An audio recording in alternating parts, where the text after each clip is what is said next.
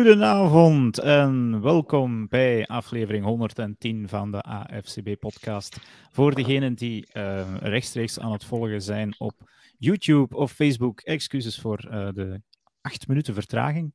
Uh, maar we hadden een beetje technische problemen. Maar wat is nu acht minuten in een leven in een week? Um, dus ja, bij deze aflevering 110 van de AFCB-podcast, uw wekelijkse afspraak voor alles wat betreft voetbal, college voetbal, NFL, BNL. Um, en die BNL die mogen we vandaag een beetje letterlijk nemen, want we zitten met een internationaal gezelschap. Voor wie aan het kijken is, u heeft misschien alles gezien, de bekendste baard van um, ja, Nederland. Dat is misschien Sinterklaas, maar toch voor ons. Ger Gerrit-Jan, goedenavond. Goedenavond Dirk, goedenavond Jan. Hoi. Gerrit-Jan is er ook weer bij. Uh, hij is een van onze vaste gaststemmen, zullen we maar noemen. Uh, we zijn blij dat we hem er ook weer kunnen, kunnen bijtrekken. We willen nog altijd ook dat deze podcast groeit in Nederland. Dus ja, verspreid het woord daar ook maar. Um, dus ja, u hebt hem ook al gehoord. Jan, goedenavond. Hoi, goedenavond. Je bent daar aan het genieten van een verse cappuccino of een latte, is het? Uh, latte, yes, latte, absoluut. Ja. Fancy. Um, nee, oké. Okay. Um, welkom allemaal. Uh, Gerrit-Jan, uh, misschien eventjes naar jou. Um, je zit ook in onze Discord. Uh, dat is toch wel iets dat we aan, bij iedereen willen aanraden. Dus ons, ons Discord-chatkanaal, waar je elke, ja, elke week, elke zaterdag, elke zondag door de week NFL-nieuwtjes kan delen met je, met je vrienden, collega's. Jij bent er altijd snel bij als het gaat over nieuwtjes. Um, hoe pik jij die op? Ja, het is gewoon wat appjes, ESPN-app, uh, CBS, gewoon de pushberichten. Sleeper ah, ja. is ook altijd wel lekker snel. Ja, ja, oké. Okay. Ja, ik, ik moet alles van Twitter halen, maar soms heb je mij toch nog geklopt in, uh, in snelheid. Dus, uh, we, zullen ook zien. Ik, als... ik krijg soms heel veel pushberichten. Oké, okay. okay. heel veel swipen dus ook wel goed. Ja, dat ook. Het is, we kijken vandaag terug op speeldag 6 van de NFL en speeldag 7 straks ook in het collegevoetbal. Um, maar goed, er is wel heel wat gebeurd, dus we vliegen er zo dadelijk in. Um, misschien ja, het belangrijkste nieuws dat ik deze week heb opgepikt is dat ja, de Carolina Panthers, nadat ze vorige week hun coach met Rule de laan uitstuurden, begint het team daar wat uit elkaar te vallen. Uh, ja, ik weet niet, Gert-Jan, had je dat gezien zondag op het veld? Robbie Anderson, die daar een uh, klein akkefietje had met de coach. Ja, ik heb dat moment zelf niet gezien. Ik heb het net nog even teruggekeken. Maar het is echt hij staat op een gegeven moment te discussiëren en dan zie je een shot later en zegt gewoon de coach, joh, wegwezen. En die ziet hem een paar keer zo verontwaardigd nee schudden. En nou, dan ga ik maar. Ja, die is ook uh, wegwezen, inderdaad. Die heeft het dan letterlijk genomen, want die is ondertussen getrade naar um, de Cardinals. Arizona Cardinals, die dus hun wide receiver rijker zijn. Die hun wide receivers niet draften, maar traden blijkbaar na DeAndre Hopkins, Marquise Brown, nu Robbie Anderson. Uh, Jan, is dat een recipe voor succes om je team zo te bouwen? Oh, het is wel een feit dat, uh, moet ik zeggen, het is wel een mooie pick-up voor de Cardinals. Uh, vind ik persoonlijk. En ik heb een stukje van de wedstrijd toch, van de wedstrijd toch kunnen zien. Uh, ze waren zowel wat weer in het pre-season wel wat meer gehyped dan dat ze nu voorlopig kunnen presteren. Maar ik denk, uh, blijft toch wel een dual threat weapon.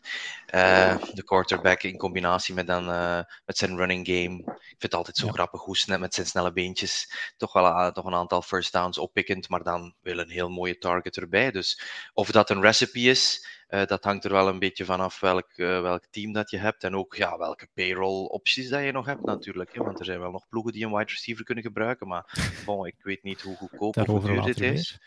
Voilà. uh, maar ja, kan weinig misgaan lijkt me voor, voor de Cardinals met deze Robbie Anderson erbij. goede move, niet vergeten. Volgende week, uh, dus week 7, is het de schorsing van die Hop, die Andrew Hopkins erop. En ja. mag je dus terugkeren op het veld. Volgens mij kan dat toch ook wel een gamechanger zijn. En ja, de, de Cardinals zijn zeker nog niet, niet uitgeschakeld eh, in de NFC West. Nu met Robbie Anderson erbij, moeten we wel zeggen, natuurlijk Marquise Brown, Hollywood Brown, ik vernoemde hem, maar die is uh, geblesseerd geraakt. Uh, was dat afgelopen weekend of er nog voor? Dat uh, ben ik even vergeten, maar in ieder geval, hij zou... Eerst werd, werd season ending gevreesd, Ehm, maar het zou slechts zes tot zeven weken zijn, maar dan zitten we natuurlijk al diep, diep. Uh, ja, december richting januari. Dus een goede pick-up, denk ik wel, voor Robbie Anderson, wiens salary trouwens niet zo geweldig hoog was, uh, heb ik gezien. Dus uh, kan meevallen. Dan is het zeker een, eh, een, een win voor, voor de Cardinals, ja. Mhm. Oké, um, om even bij de Panthers te blijven. Sam Darnold zou van injured reserve afkomen, maar ja, gaat hij er ook spelen? Uh, Baker zit nog met die high ankle sprain, dus het is nog steeds de PJ Walker show. Of um, ja, misschien eerder de, de CMC show van ja, zet die in de etalage. Uh, hetzelfde zou kunnen gezegd worden van DJ Moore. Uh, maar dus eventueel keert Sam Darnold terug. Wie ook zou terugkeren is Dak Prescott bij de Cowboys. Um, dat lijkt me volgens mij ook wel een, een, een upgrade te zijn, toch? Ja, toch wel, hè? Mhm. Je, kunt nu, je kunt zeggen dat uh, Cooper Rush iedereen aangenaam uh, verrast, et cetera, maar uh, echt vers smijt hij ook niet.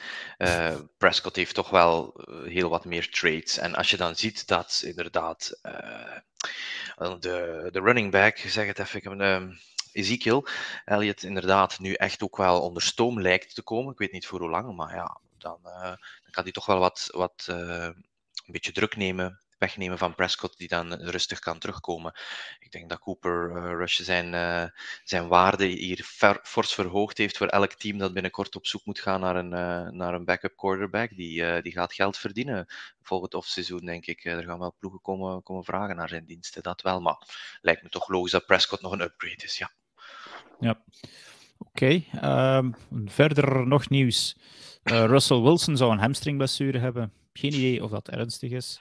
Ehm, het is geen wedstrijd die we gaan bespreken uh, van de, Broncos en de Chargers van gisteren, maar het was weer geen mooi kijkstuk, moet ik zeggen. Uh, ik denk dat Russell, ja, ik weet niet, Gerrit-Jan, Russell Wilson, is hij nog, ja, heeft hij nog aanpassingsproblemen of zit er daar echt een haar in de boter, denk je? Ja, het was vorig seizoen bij Seattle ook al niet en het wil nu bij bij Denver ook niet, niet, niet, niet lopen. Ik, ik, ja. Ik, ik weet niet wat het is met hem. Misschien is toch het, uh, het beste er gewoon af. Ja, dat zou ook nog gewoon kunnen. Hij uh, wordt ook al wat ouder. Ja, het zou wel heel erg zijn natuurlijk, want ze hebben hem 245 miljoen uh, dollar gegeven. en, ja, daar zijn er meer van. ja, dat, dat klopt. Maar ah ja, ze zitten er nu eenmaal mee. Je kan hem niet zomaar vervangen. Dus ja, ik weet niet. Russell Wilson, hopelijk zijn het nog aanpassingsproblemen. Anders eh, hebben de Broncos een gigantisch probleem, volgens mij. Maar goed. Goed. Um, dan gaan we eventjes verder het nieuws af voordat we naar onze wedstrijden van de week gaan. Um, ja, Jan, een beetje in jouw categorie Randall Cobb zou een tijdje uit zijn. Heb jij een ja. update over die blessure? Ja, nee, gewoon dat het maar een aantal weken zou zijn. Dus dat het uh, de, het best mogelijke scenario zou zijn qua blessure. Uh, en ja, ik vind dat wel een belangrijke. Ondanks dat uh, die een beetje under the radar, uiteraard, men gaat er al vanuit dat hij washed up is, et cetera. Ik denk dat hij de meeste targets of de meeste yards had van de Packer receivers tot, op, uh, tot vorige week. Dus ja, het is geen denderend seizoen voor de wide receivers, daar niet van. Maar toch wel belangrijk dat hij op tijd terugkomt. En hij heeft wel een historie van, van uh, injuries hoor. Dus het is toch wel elk jaar dat hij er een paar wedstrijden of meer uit ligt. Um, maar ja, goed nieuws voor de Packers op zich, omdat hij ook natuurlijk aan de zijlijn ook wel kan gebruikt worden als ervaren rot uh, om de anderen nog wat uh, te coachen en, en, en, beter te maken. Dus uh, op zich zal het weer de nodige weken zijn. Ik weet niet of men hem dan op IR moet zetten, op IR moet zetten, wegens zoveel weken. Ik ken niet perfect die wetgeving, zal ik maar zeggen. Maar laat ons zeggen, dodge the bullet there. Packers zijn in een redelijk gezonde situatie, gaan we straks nog bespreken. Dus op zich ja. was dit ja, aan te pakken, maar goed nieuws. Injured reserves, dan moet je vier weken verplicht, denk ik, mhm. aan de kant ja, blijven. Dat was het, ja. Uh, andere vier weken, ja. ja. blessure Jonathan Taylor van de Indianapolis Colts, die was ook oud. Maar dan kregen we wel een verrassend, ja, voor mij een nieuw gezicht, Dion Jackson, uh, te zien, die hem met verven kwam vervangen. Dus wie Dion Jackson had opgepikt in fantasy, heeft er goed aan gedaan uh, dit weekend. Gert-Jan steekt zijn vinger op. Heb jij hem... had je het... Ik heb, ik heb hem ergens in de league, uh, volgens mij in de Warrior League, zeg ik even uit mijn Oh ja, daar zit ik ook in, ja. In de geraakt in, in een andere league, maar daar, uh, daar heb ik hem opgepikt. Daar heb ik er dit weekend heel veel plezier van gehad. Ja, Vijf punten verschil gewonnen, dus. ja, dat is dan een weekwinner, zeker in deze bye weeks. En dat uh, belangrijke punten. Maar het is ook goed ja, voor de Colts. Toch een beetje verrassend dat zij nu op een winning record staan en zonder Jonathan Taylor. Um, belangrijk, andere blessurenieuws was, ja, is het nu een blessure, is het iets anders? Dat is Cam Akers, de running back van de, de LA Rams. Die is oud, maar is die oud met een blessure? Of is die out of town? Of is die out of grace? Uh, het is momenteel nog heel onzeker wat er aan de hand is. Nu, ik uh, krijg zo het gevoel, en ik weet hoe dat bij jullie zit, maar uh, dat we hem dit seizoen niet meer in een Rams-truitje gaan zien. Sean McVay met Cam Akers, ja, zit, zit, er, ja, zit er ergens iets, iets, iets kwaad tussen? Ik, ik weet het niet. De, ja, Jan, heb jij. nee, ik, kan het, ik, ik, mag over deze situatie geen uitspraken doen, want ik weet enkel dat hij oud was, maar ik heb me nog niet verdiept in het feit of wat daar de reden voor zou zijn, of of daar een ja. beef is met de coaches. Ik mag het niet zeggen. Ja, het, het, klinkt in ieder geval vreemd als je zo'n dingen leest van. Ehm, plots, plots verschijnt. En normaal gezien verwacht je zoiets in San Francisco, waar dat de running backs zoals ondergoed verwisseld worden, maar. Ehm, in LA in ieder geval niet. Nu, we houden die situatie in de gaten. Um, nog quarterback nieuws. Tua Tagovailoa zou um, terugkeren dit weekend voor de Dolphins, hopelijk. Uh, is hij terug goed ja, bij het hoofd. Uh, Carson. Wentz, ja, zeg maar. Ja. Ik hoop dat Tua een uh, aangepaste helm draagt voor de rest van zijn carrière. Want uh, je ziet dat ook Roger speelt bijvoorbeeld ook al sinds die paar concussions vele jaren geleden met een veel grotere. Het ziet er ah, wat, ja. minder, wat minder sleek uit, maar er zijn dus een aantal helmen die je ziet dat ook echt dat die groter zijn. Denk okay, meer padding ja. erin. Wist ik nog niet. Nee. Ja, dus ik vermoed dat dat ook wel eens zou. Ik hoop voor hem alleszins dat ze hem extra gaan intapen zijn hoofdje, want uh, een volgende uh, en ik hoop ook dat, ja, ik weet eigenlijk niet, we hebben ooit uh, die bounty-schandaal, uh, het bounty-schandaal gehad van de Saints, waarbij dat de defensive coach, ik ben zijn naam ontsnapt mij, eigenlijk targeting enzovoort promoten. Dus ik, ik, kan me niet inschatten, ik kan niet inschatten als iemand zodanig geraakt is, of dan de defense daar echt gaat naar spelen. Um, daar ben ik echt eens benieuwd voor. Uh, het, is een harde, het is een harde league, maar aan de andere kant wil men ook graag dat de tegenstanders op het einde van de wedstrijd gezond naar huis gaan. Dus ik ben eens benieuwd of men daar nu uh, extra aandacht, of hij nog door de scheidsrechters extra gaat beschermd worden. Wat zelf scheidsrechter geweest zijnde voorlopig, uh, kan ik me wel voorstellen dat je daar toch op een bepaalde manier ergens in je achterhoofd misschien toch wel nog wat extra aandacht voor hebt. Al was het dan ja. niet om hem per se te bevoordelen, maar voor in die wedstrijd, als je die wedstrijd krijgt als scheidsrechter, dat er nog eens wordt benadrukt om toch wel extra dat in de gaten te houden. Ja, nu als het kwaad geschiet is natuurlijk, zoals vorige week, ja, dan kan je als scheidsrechter al maar een vlaggetje gooien en dan, dan houdt het op. Klopt, klopt. Op dat vlak hoop ik. Ja, ik heb, ik heb um, in mijn Turks Dix vorige week, vorige week, die je nog altijd kan lezen op onze website afcbelgium.com, heb ik een stukje over die uh, ja, concussions, hersenschuddingen geschreven. En wil ik die tip ook nog even hier meegeven. Op Netflix staat er de film en die heet gewoon Concussion. En dat gaat over uh, een dokter, de naam ben ik nu kwijt, die uh, eigenlijk de CTE, dus die, die hersenziekte die bij veel NFL-spelers en boxers ook uh, na hun carrière opspeelt, die dat voor het eerst eigenlijk echt bestudeerd en vastgelegd en, en beschreven heeft in een wetenschappelijk tijdschrift. En achteraf zijn op basis van zijn bevindingen al lang, lang dralen ook wel wat beslissingen genomen die vandaag in de NFL spelen.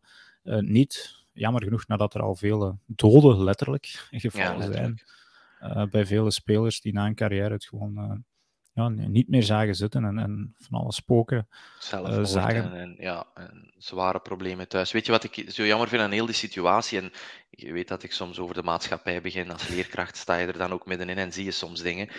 En ik vrees een beetje dat het is een macho-wereld, voetbal, logisch, een harde mannensport in dit geval. Uh, terwijl dat er eigenlijk terecht aandacht zou moeten zijn voor van die zaken. Uh, maar doordat je een bepaalde beweging in de maatschappij hebt die alles onder de loepen neemt, heb je altijd die, die reactionaire tegenbeweging van mensen. We moeten niet te flauw doen, want tegenwoordig mag iedereen een burn-out hebben, mag iedereen ziek zijn enzovoort. Ik heb zo'n beetje schrik dat inderdaad in die mannenwereld die de NFL is, dat er zo al een tegenbeweging is van ja, we moeten al met alles rekening houden.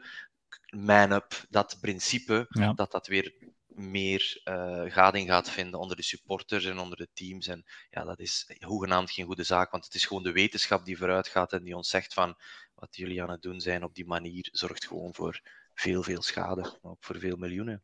Ja, plus het zijn natuurlijk ook ehm, een kleine 15, nou ja, 1500 spelers die elke, elke week op het veld staan. 1500 acteurs, laat ik ze dat maar noemen. Mhm. Eh, terwijl dat er tientallen miljoenen fans zijn. Het is een beetje ja, clowns in een circus, kreeg ik dat gevoel soms bij het zien van die, circus, van die, van die Colosseum, film. Oh. Hmm. Maar het is natuurlijk nog altijd een beestig mooie sport. En dan, dan zeg ik beestig en mooi uh, in één zin. Uh, Klopt. Ja. Maar we hopen dat, dat dat toch niet veel erger wordt dan dat ik daar in die film gezien heb. Want uh, goed. Um, dus ja, ik heb hem ook al laten vallen. Carson Wentz, meerdere weken oud. Uh, Jan. Of, ja, de coach sorry, zal Gerrit, blij zijn. de coach in dit geval is bij. Uh, Gerrit-Jan, ja, er zitten daar een paar mensen die hem zouden kunnen opvolgen. Wie denk jij dat het zal worden? Ron Rivera heeft al gezegd dat het vandaag dat Taylor Heineke wordt. Oh, in ieder geval voor week 7. ja. Oké, want er zit ook nog een rookie op vinkenslag daar natuurlijk. Um, met Sam Howell, de toch ook wel talentvolle rookie die van uh, North Carolina, de Tar Heels, kwam. Uh, die zit daar volgens mij dan nu op, het, op de tweede viool.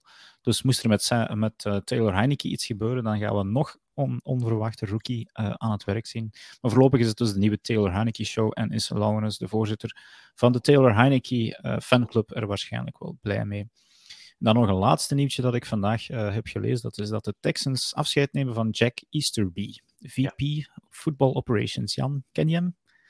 Nee, ik heb het gewoon ook op Twitter zien passeren. Ik dacht van, oh, ja. weird time. Maar dat was een beetje de, de shamaan, zal ik het maar noemen. Ondanks het feit dat hij VP of Football Operations is. Die was een beetje de shamaan van de Texans. Vroeger ook de, de, ja, de chaplain was hij bij de, de New England Patriots. Dus een, ja, een beetje een soort pastoor, ik weet niet dat ik het juist moet noemen. Die de, spelers mentaal begeleiden, maar blijkbaar toch meer en meer uh, de touwtjes in handen kreeg van een voetbal van de voetbalachtige zaken en daar wel serieus wat tegenwind voor kreeg. En nu is hij blijkbaar eindelijk daar de deur gewezen in Houston. Dus ja, hopelijk uh, klaart de lucht daar een beetje op, want er zat toch wel wat, uh, wat slechte lucht in de gangen. Mhm. Goed, uh, de wedstrijden die we deze week gaan bespreken. En dan hebben we het in de eerste plaats over de kraker natuurlijk. Zondagavond, Bills Chiefs. Um, de Bills wonnen uiteindelijk met 24-20.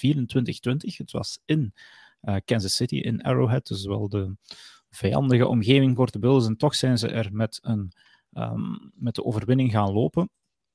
Uh, ja, heren, hebben jullie die wedstrijd gezien? Was het een overwinning, verdiende overwinning van de Bills, Gerrit-Jan? Ik heb hem uh, via de Red Zone uh, meegekeken. En ik heb hem tot halftime ongeveer, ongeveer gezien.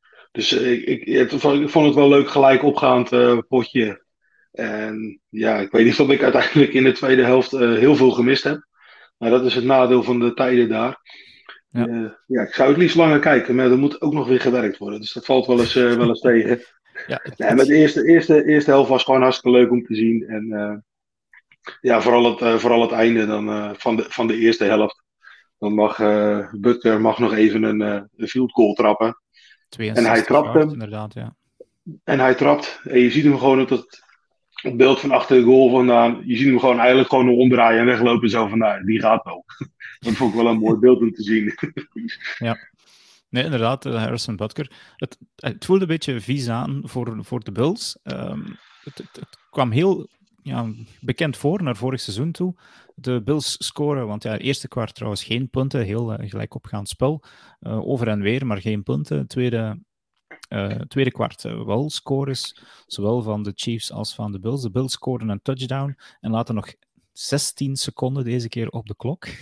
Dat is normaal een kneel down, hè? is gewoon kneel down, let's go inside. Ja, ja niet zo met de Chiefs. Uh, Ik denk twee passes nog. Ja, ten eerste al een kleine return tot op de, ja. de, twee, tot op de 29 lijn en dan twee passes.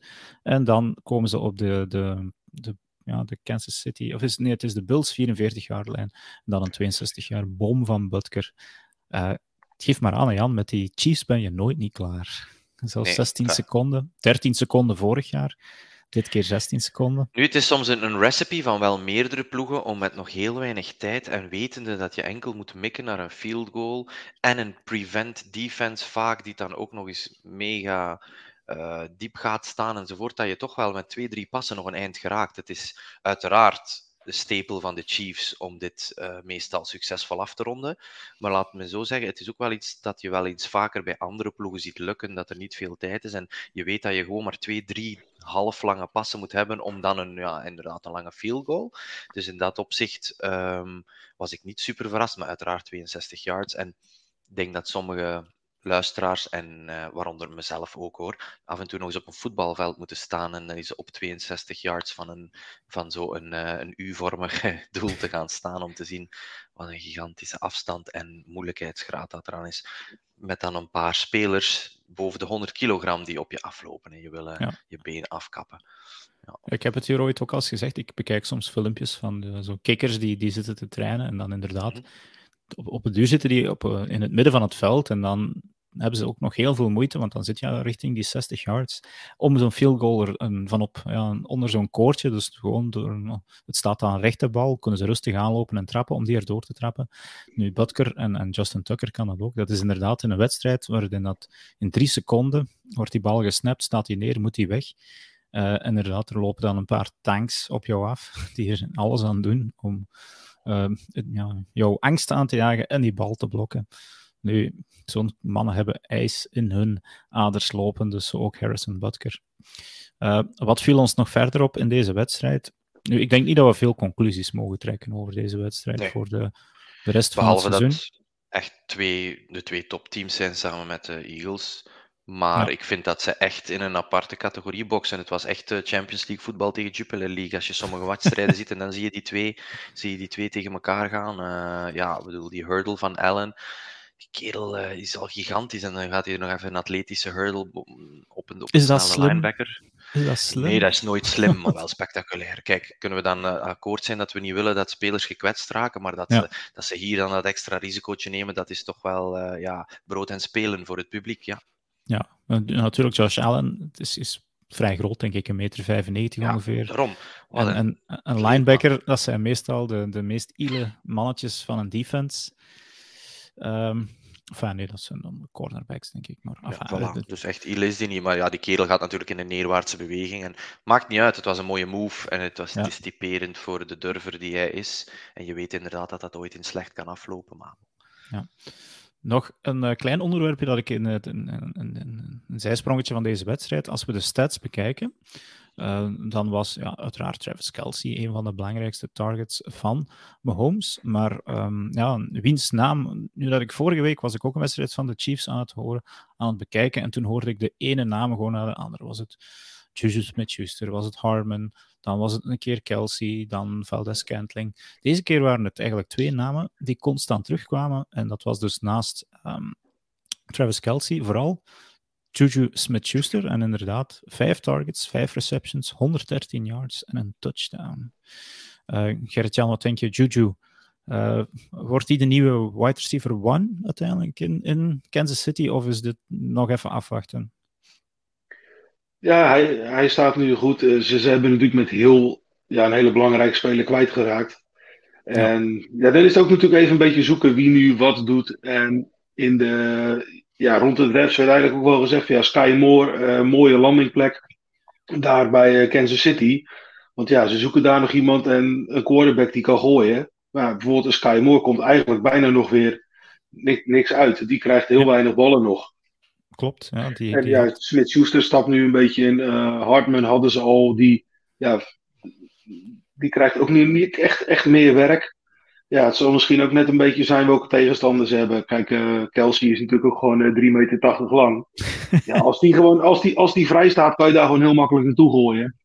En ja, de Bills zullen dan toch wat meer uh, richting, richting hem focussen, waardoor anderen ook weer vrijkomen. Dus misschien is het ook wel een beetje de, de matchup die dan, die, die, dan, die dan in dit geval een beetje een rol speelt. Ja, nu, ja, Jan, je zal het misschien niet graag horen, maar ik, ik hoor in de wandelgangen ook dat de Chiefs nog steeds ook uh, op zoek zijn naar een trade voor een wide receiver. En dan wordt DJ Moore daar af en toe mm. genoemd, dat hij wel eens uh, in Kansas City zou kunnen landen. Wow. Uh, als je die namen ziet staan, Juju Smith-Schuster, ja, MVS, die ken je natuurlijk. Nicole Hartman, naast Travis Kelsey, zou dat niet voldoende vooral, zijn? Ja. dat denk ik toch wel. En denk ik dat je toch uh, dat je een viertal hebt dat, uh, dat formidable is. Met allemaal ook wel mooie verschillende skills. En vooral wil ik toch even zeggen, en ik denk dat de meesten dat ook wel kunnen inschatten het moet enorm moeilijk zijn om een speler zoals Kelsey om jaar na jaar zo goed te presteren. Je mag niet vergeten, die andere ploegen zitten een hele week na te denken hoe ze jou gaan tegenhouden, hoe ze jou gaan dubbelteamen, whatever. Vorig jaar had je dan ook de deep threat van Tyreek Hill, maar goed. Dus die blijft keer na keer zich kunnen vrijlopen die verdedigers zijn ook geen sukkelaars. Dan denk je dat dan ben je toch wel een special kind of specimen als je elke keer op die manier kan uh, presteren. Ja, impressive. En ik denk inderdaad niet dat ze echt nog veel um, talent nodig hebben op die posities. Maar goed, ja, wie ben ik? Dat kan altijd nee. uh, fout zijn. Nu, in ieder geval denk ik geen paniek voor de Chiefs, die nog altijd een 4-2 record hebben. De Buffalo Bills stomen door naar 5-1. Die gaan nu in hun bye.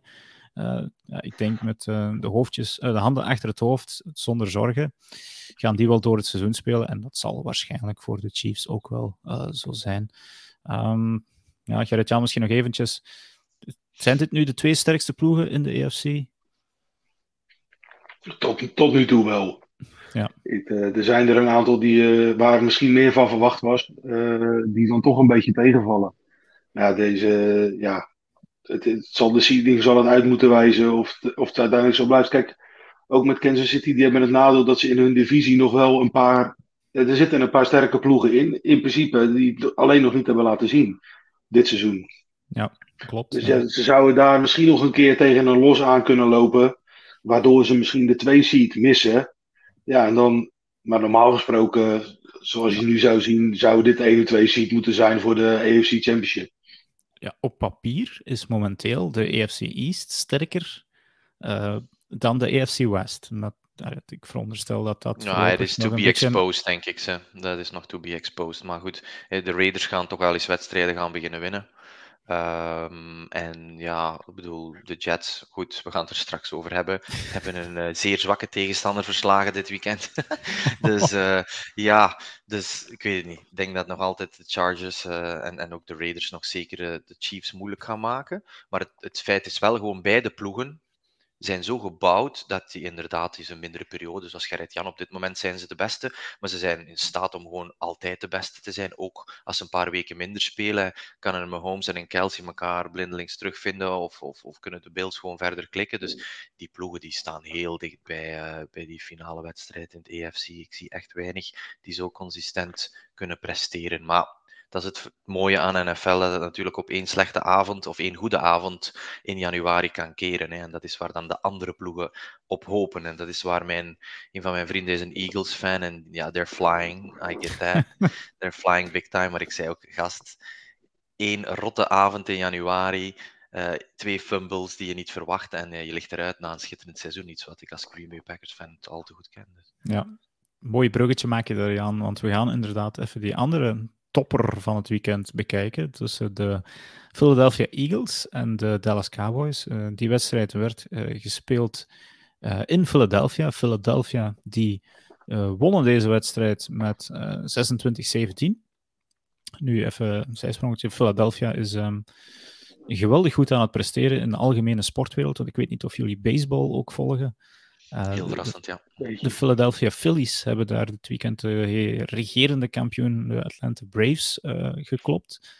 Uh, maar dat is misschien hetgeen dat ik eventjes wil duidelijk maken. Wat een ruig publiek heeft oh Philadelphia. Niet leuk voor de tegenstanders als je daar de bullpen hebt, waar dus de, de werpers opwarmen die in de baseballwedstrijd komen.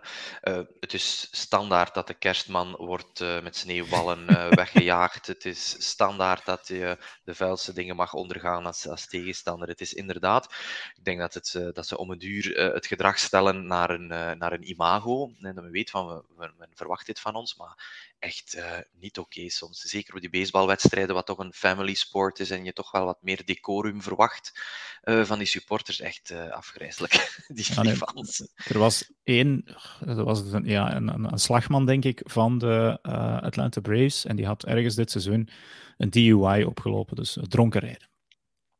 Telkens als hij aan slag kwam, heel dat publiek, DUI, DUI. Oké, maar dat is, dat is dan maar terecht. dat valt nog ja, mee. maar... maar- Ja, nee, nee, oké, ik snap je. Eh, ja, ja, en- Philly heeft dan- een goed weekend achter de rug, ja. Hetzelfde geldt een beetje voor, voor, het, eh, voor de Philadelphia Eagles. Ehm, het is ook wel zo, nu, nu zijn ze 6-0, want ze hebben gewonnen dus van de Cowboys. Nu gaat er alles goed en mag het even, dus, eh, maar als het daar ook maar een beetje keert, dan keren die zich ook wel heel snel tegen hun ploeg. Ja, ja, ja, dat is echt wel successupporters in, heel, in, in, in, in een bepaalde zin van het woord. Sommige van die mensen, enfin, zijn Ja. niet alle supporters dat, is dan mijn vraag. Maar... Nee, oké. Ja, Gerrit-Jan, de, de Eagles eh, ja, zitten nu 6-0. Eh, zijn zij in jouw ogen een... We hebben een paar jaar geleden die discussie gehad over de Steelers, die toen ook heel lang ongeslagen bleven. Zijn ze een true 6-0? Verdienen ze het om, om daar aan kop te staan? Of denk je van, ja, ze hebben links en rechts wat geluk gehad. eh, dit blijft niet duren. Zeker niet tot het einde van het seizoen, wat toen met de Steelers ook wel het geval was. Nou, ik denk dat het wel op eh, een beter team is als de Steelers. Kijk, de Steelers stonden toen met Ben Roethlisberger. En iedereen zat al zo van, nou ja, dat houdt ook een keer op. Ja, het heeft wel elf wedstrijden geduurd. En, en, en met Jalen met Jalen Hurts hebben ze gewoon eh, uiteindelijk eh, ja, de keuze gemaakt, eh, niet zo heel lang geleden, tussen Wentz en, en Hurts. En dat is gewoon ja, de goede keuze gebleken. En ja, van de Eagles werd vooraf op zich ook wel wat verwacht. Dus ik denk dat het van de Steelers niet. Dus ik denk dat het weer wel meer legit is als destijds de Steelers. Nou, daar zag je ook één nederlaag en daarna was het eigenlijk, plofte het hele boeltje ook gewoon gelijk in elkaar. Ja. Dat kan misschien met de, eh, met de Eagles ook gebeuren. Maar ik, ik denk dat het, eh, ja, ze, ze spelen redelijk consistent. Het ziet er, het ziet er goed uit. eh, maken weinig echt fouten. Dus echt, Ja. of- of- echt Dat de is- problemen zijn ze voor mij ook niet geweest. Dat is misschien inderdaad de nagel op de kop en maken weinig fouten. Eh, je ziet hier dus, ah, je ziet ze niet, maar je, we vertellen ze ja. De statistieken van Jalen Hurts: 15 voor 25, 155 yards, 2 touchdowns, geen interceptions. Eh, goede eh, run, pass balance. ehm, en ze maken gewoon geen fouten. Aan de andere kant had Cooper Rush, die liep eindelijk eens tegen de lamp, eh, was 18 voor 38, had één touchdown en drie interceptions. Dus dat, dit is wa- waarschijnlijk iets meer de echte Cooper Rush dan degene die naar vier wedstrijden op rij gewonnen had. Maar terug naar die Eagles. AJ Brown, eh Devontae Smith, Alice Goddard en dan in de run met Miles Sanders en Jalen Hurts natuurlijk zelf. Ja, stop ze maar eens eigenlijk. Hè. Eh, nu, die vergelijking met de Steelers maakte ik niet voor niks. Ja, eh, ik wou eens even kijken of misschien de, de Eagles ook tot, ehm, tot 11 en 0 zouden kunnen geraken. Dat is wat ik met jullie ga doen. We gaan het schema er even bij nemen van de Eagles. En dan eh, zouden jullie in een consensus een beetje moeten kunnen kijken, of ja, je mag het zelf voor jezelf beslissen, van gaan ze die wedstrijd winnen of verliezen? En dan gaan we eens kijken waar we komen. Mhm. Eh, de volgende wedstrijd, ze hebben nu een bye, dus ze kunnen rustig even de, de voetjes omhoog. Dan moeten zij thuis spelen eh, tegen de Steelers. So win. Denken jullie? Win. Een win? Jan, wat zeg jij? Mhm, Win. Een win. Het is dan twee keer 7 en 0. De volgende wedstrijd is. eh, ja, kijk, het is echt een schemaatje hoor. Eh, op verplaatsing bij de Texans. Mhm. Dat ben ja. Win. Thuis nu tegen. die shamaan weg is. Zal, zal wel een drama van een wedstrijd worden, want het is Thursday, Thursday Night Football, zie ik. Dus Oh. Oh, tegen ah, de Texans. Ja, Nee. Volgende wedstrijd tegen de Washington Commies. Of Commanders. Mhm. Wat, ja. Zou een winst moeten worden, lijkt me. Ook voor jou een, een W, Gerrit-Jan? Eh, Heineken gaat verrassen. Oh. Ook Daar stopt de winning streak, dus oké. 8 en 1 voor Gerrit-Jan. Eh, Jan zit nog op eh, 9 en 0. Eh, vervolgens zitten we dan, even kijken, op verplaatsing bij de Indianapolis Colts. Ja. Ja. Dat weet ik Win. niet, ja. Weet je welke richting dat die uitgaan? Taylor terug enzovoort. Ja, die O-line die blokt goed voor de running backs. Eh, altijd zo moeilijk verkijken, hè. Eén, twee belangrijke blessures. In principe, ja, ik, dus, ik weet niet op wat dat gebaseerd is, maar rond die periode komt er toch volgens mij dat verlies ook een beetje onderschatting, eventueel een mindere dag van, van Hurts, die volgens mij nog niet in MVP-conversatie is, ondanks dat men dat hier kan suggereren. Dus dat kan dan wel eens een verlies worden, denk ik. Ja, toch een stugge ploeg, die Colts. Die Ik zet verder 9 en kunnen. 1 voor Jan. Eh Gerrit-Jan, wat denk jij? Ik denk een win. Ik denk dat de onderschatting een week later komt. Ja, Jan, want ik denk dat Gerrit-Jan is naar het schema aan het zien, en die heeft al gezien dat het op de week erna de spelen ze thuis tegen de Green Bay Packers. Oef. Nou, als die O-line nog niet gerepareerd is, is dat een makkelijke win, lijkt me. Ja. Een beetje Je, je geeft de win aan de Eagles? Ja hoor, ja, ja, absoluut. Oké, dat is 10 en 1. Gerrit-Jan, wat denk jij? Eh, ik, ik denk wel dat het een win wordt voor de Eagles. Oké, alle twee 10 en 1. Het is echt wel. eh, eh, dan zitten we. We gaan een beetje sneller nu thuis tegen de Titans. Mhm, mhm, ja, dan moeten Win. we wel winnen. Oké, alle twee 11 en 1. Eh, op verplaatsing bij de Giants. Ah, Ja, daar moeten ze ook nog twee keer toch- tegen. Hè? ja, gezonde Saquon. Ploeg is echt, ja, Cloud9. eh, thuis, wedstrijd tegen een heel sterk... Ja, dat geeft hem maar aan de Giants dan. Oké, Jan zit op 11 en 2. Gerrit-Jan, wat zit jij? Eh, ik zeg ook de Giants. Oké, 11 en 2. Nee, we zitten op. eh, Dan, op 10 en 2 zitten we, denk ik. Hè? Nee, eh, 11, en 1, 11 en 2, denk ik. Nou, we zitten, sorry. Ehm, op verplaatsing bij de Bears. Kom. dat is een win. Ah, zeg. 12 en 2. Eh, op verplaatsing bij de Cowboys. Ja, met dek terug en ja, goede verdediging. Eh, moeilijk, moeilijk. Kan gerust een verlies zijn, denk ik. Kan Ja. gerust een verlies zijn voor mij, ja. 12 en 3 voor Jan. Gerrit-Jan. Ja, ik ga daar ook in mee in het verlies, omdat het, ja, omdat het ook uit is bij de, bij de Cowboys. Dan zijn er nog twee wedstrijden. Het is eh, thuis tegen de Saints. De voorlaatste Mm. wedstrijd van het seizoen. Winnen ze normaal, denk ik. Daar ga ik in mee. En de, en de laatste ook omdat het thuis is. Ja, Die winnen dus ze dan ook de omdat ze thuis laatste- spelen. De laatste is dan thuis tegen de Giants. Die, ja, misschien dan Ja, dan, nog dat is ook al helemaal, ja, voor wat spelen die nog, eh seedings enzovoort. Dus ja, eh, maar oké, goed. Adel verplicht zullen ze misschien wel winnen, dus dat, dan geven ze die W. Dat is wel we nummer 1 seed, hè. Alle Nummer twee één 14 seed. en 3, inderdaad. En daar komen we dan een beetje toe. Zij, zij zullen dan volgens jullie verwachtingen tot nu toe de number one seed worden van de NFC en de bye krijgen. Eh, wat niet onbelangrijk is. Garandeert niks, Dirk. Niks. Nee, Rusty nee. as F. Maar dan, dan heb je toch al tenminste niet eh, die, die wildcard-wedstrijd die je moet spelen. True that. Ja, Ehm, we gaan dit even noteren, heren, en we komen in januari op jullie voorspellingen terug. Oké. Eh, goed. eh, natuurlijk, eh, ja, nog even meegeven, de Eagles hebben tot nu toe ook bijna eh, geen blessures gehad. Dus je moet ook wat geluk hebben. Altijd. Ja. Altijd. De volgende wedstrijd eh, die we wouden bespreken was Jets-Packers. Eh, ik heb hier vandaag, voor wie het zou kunnen zien, mijn Packers-truitje is uit de kast gehaald omdat je supporter bent in goede en kwade dagen. Ehm.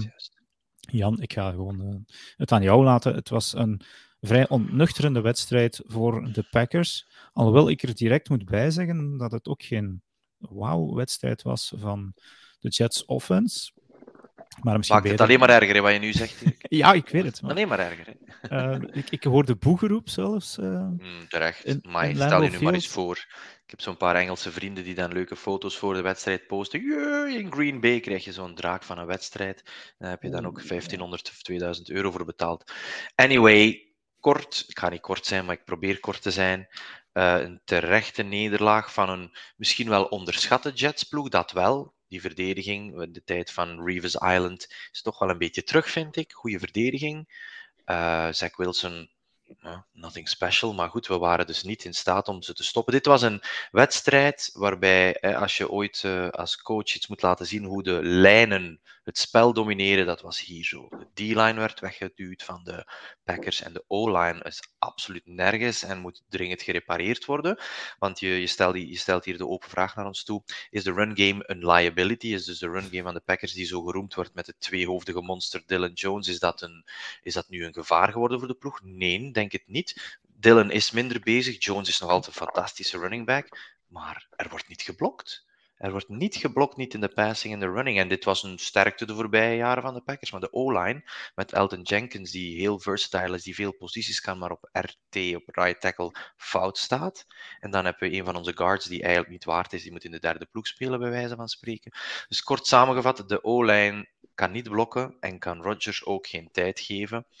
En ja, Rodgers is dan ook echt niet in vorm en bewijst dan de negatieve commentaren van wat we moeten verkopen, wat we er nog veel voor moeten krijgen. Ik vind dat echt. Mijn gaan recht staan van die hindsight, van die achteraf dingen. Van zie je wel, hoe kan je nu in hemelsnaam een tweevoudig MVP gewoon zeggen: het is goed geweest? Echt mensen onderschatten hoe belangrijk dat die quarterback-positie is. En ja, je overpaid zoals Russell Wilson. Ja, je overpaid met Rodgers nu ook op dit moment. Laten ze vier goede wedstrijden spelen en iedereen vindt het de slimste move. Dus die achteraf-analyses, ik heb er een grondige hekel aan. Nu goed, Sauce Gardner, heel goede wedstrijd inderdaad. Hè. Die kerel uh, die op, uh, na de wedstrijd, ik weet niet of je er een beeld van hebt, met een, met een cheesehead. Ja. Met een cheesehead, inderdaad. Uh, ja, ging, ging showen. Er werd er dan afgeklopt door Alan Lazard, maar dat was meer voor de, voor de fun. Ja. Nu, de Packers zijn in de problemen, hè, Dirk en Gerrit-Jan, aangezien dat de, de, Lion, de Vikings sorry, toch wel op een deftig niveau blijven spelen. En ondertussen zijn de getalletjes niet min. Je staat 2,5 games achter. Ja, dat is al niet zo weinig. Nu goed, er zijn nog wildcard plaatsen. Maar de Jets een beetje onderschat en de Packers zwaar in de problemen. En de meeste pundits zeggen dat het een coachingprobleem is, want er is talent, zeker op defense, maar er is heel weinig energie dat uitgaat van de ploeg. Okay. En dat zou, dat zou een trainer eigenlijk moeten kunnen verhelpen. En dat doen ze op dit moment niet. Maar als laatste, en dan laat ik Gerrit Jan even zijn licht schijnen over deze wedstrijd. Wat mij wel opvalt is, we weten dat al langer dat Aaron Rodgers een diva is die ook veel plays verandert op de lijn. Want dan stel je de vraag, ja, hoe komt het dat Aaron Jones zo weinig touches krijgt? Is dat, dat is niet Rodgers zijn fout in dat geval, want dat is gewoon Matt LeFleur die hem al niet op het veld zet of hem niet in een aanspeelbare positie. Maar je zit hier met weer al precies wat een power struggle. Hè, want Rodgers heeft gezegd in de persconferentie, we moeten het simpeler maken. En LeFleur heeft echt gezegd, ik weet niet wat hij daarmee bedoelt pijnlijke conversatie dan als je dat moet aanhoren tussen je quarterback en je trainer. Maar je weet wat ik gewoon vrees voor de toekomst van mijn club, is dat je weet de power struggle tussen die brave LeFleur en Rodgers, daar komt de trainer, de coach niet goed uit hoor.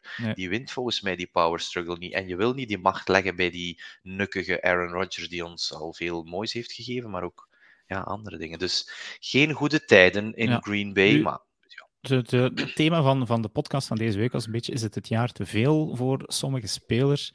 Uh, ik dacht het eerst, toen ik Red Zone aan het zien was, dacht ik ook van: maar gewoon, we kregen niks te zien van de Packers, omdat er weinig te zien was. Maar ik denk niet dat we heel veel inderdaad op uh, de, de buik van Rodgers kunnen schrijven uh, deze week. De, de, Jets liepen er gewoon los door. bloemen voor de beide heren Williams, Quincy en Quinnen Williams, eigenlijk van de Jets. Ik denk dat het eerder inderdaad in andere departementen te zoeken was. Ik, ik ga nu niet denken dat jullie Nathaniel Hackett aan het missen zijn. Um, misschien als offensive coordinator. Uh, maar goed, misschien even naar de andere kant van de bal. Uh, Gerrit-Jan, één naam die viel heel hard op bij de Jets. En dat was, ik zal Rijn hier ook even laten suggereren, Brees Hall. toch enkele weken wat, wat twijfels over gehad, maar nu blijkt hij toch wel de, de terechte ja, je speelt ook Dynasty Fantasy Football. De, de eerste keuze was hij daar bij bijna overal unaniem. Dit blijkt nu ook wel echt op het veld zo tot zijn recht te komen. Ja, klopt. Dus het zal ook een beetje warm draaien geweest zijn. Kijk, eh, je komt vanuit college en uh, ja, in de NFL is het allemaal net iets anders. Ja, nu uh, lijkt hij zijn draai gevonden te hebben en is er bijna geen stop aan bij, bij, bij, bij Breeze Hall. En ja, je ziet bij de Jets dat ze ja, gewoon hele goede draft, draft gehad hebben. En daar kwamen ze heel sterk uit. En ik moet jou daar ook nog wel credits voor geven, Dirk, dat jij ergens in een Slack of in de Discord ergens op een gegeven moment riep vanuit de Jets zouden nog wel eens kunnen verrassen na deze draft. Ja. Ik weet niet precies waar je het ergens ja, geroepen hebt, maar ik dat... Heb, ik weet de maanden voor de start van het seizoen ben ik dat lang aan het zeggen geweest. Ik heb ook de Jets in um, mijn, mijn standings telkens boven de Patriots gezet. Wat een gedurfde move bleek of leek. Uh, maar toen Zach Wilson geblesseerd uitviel.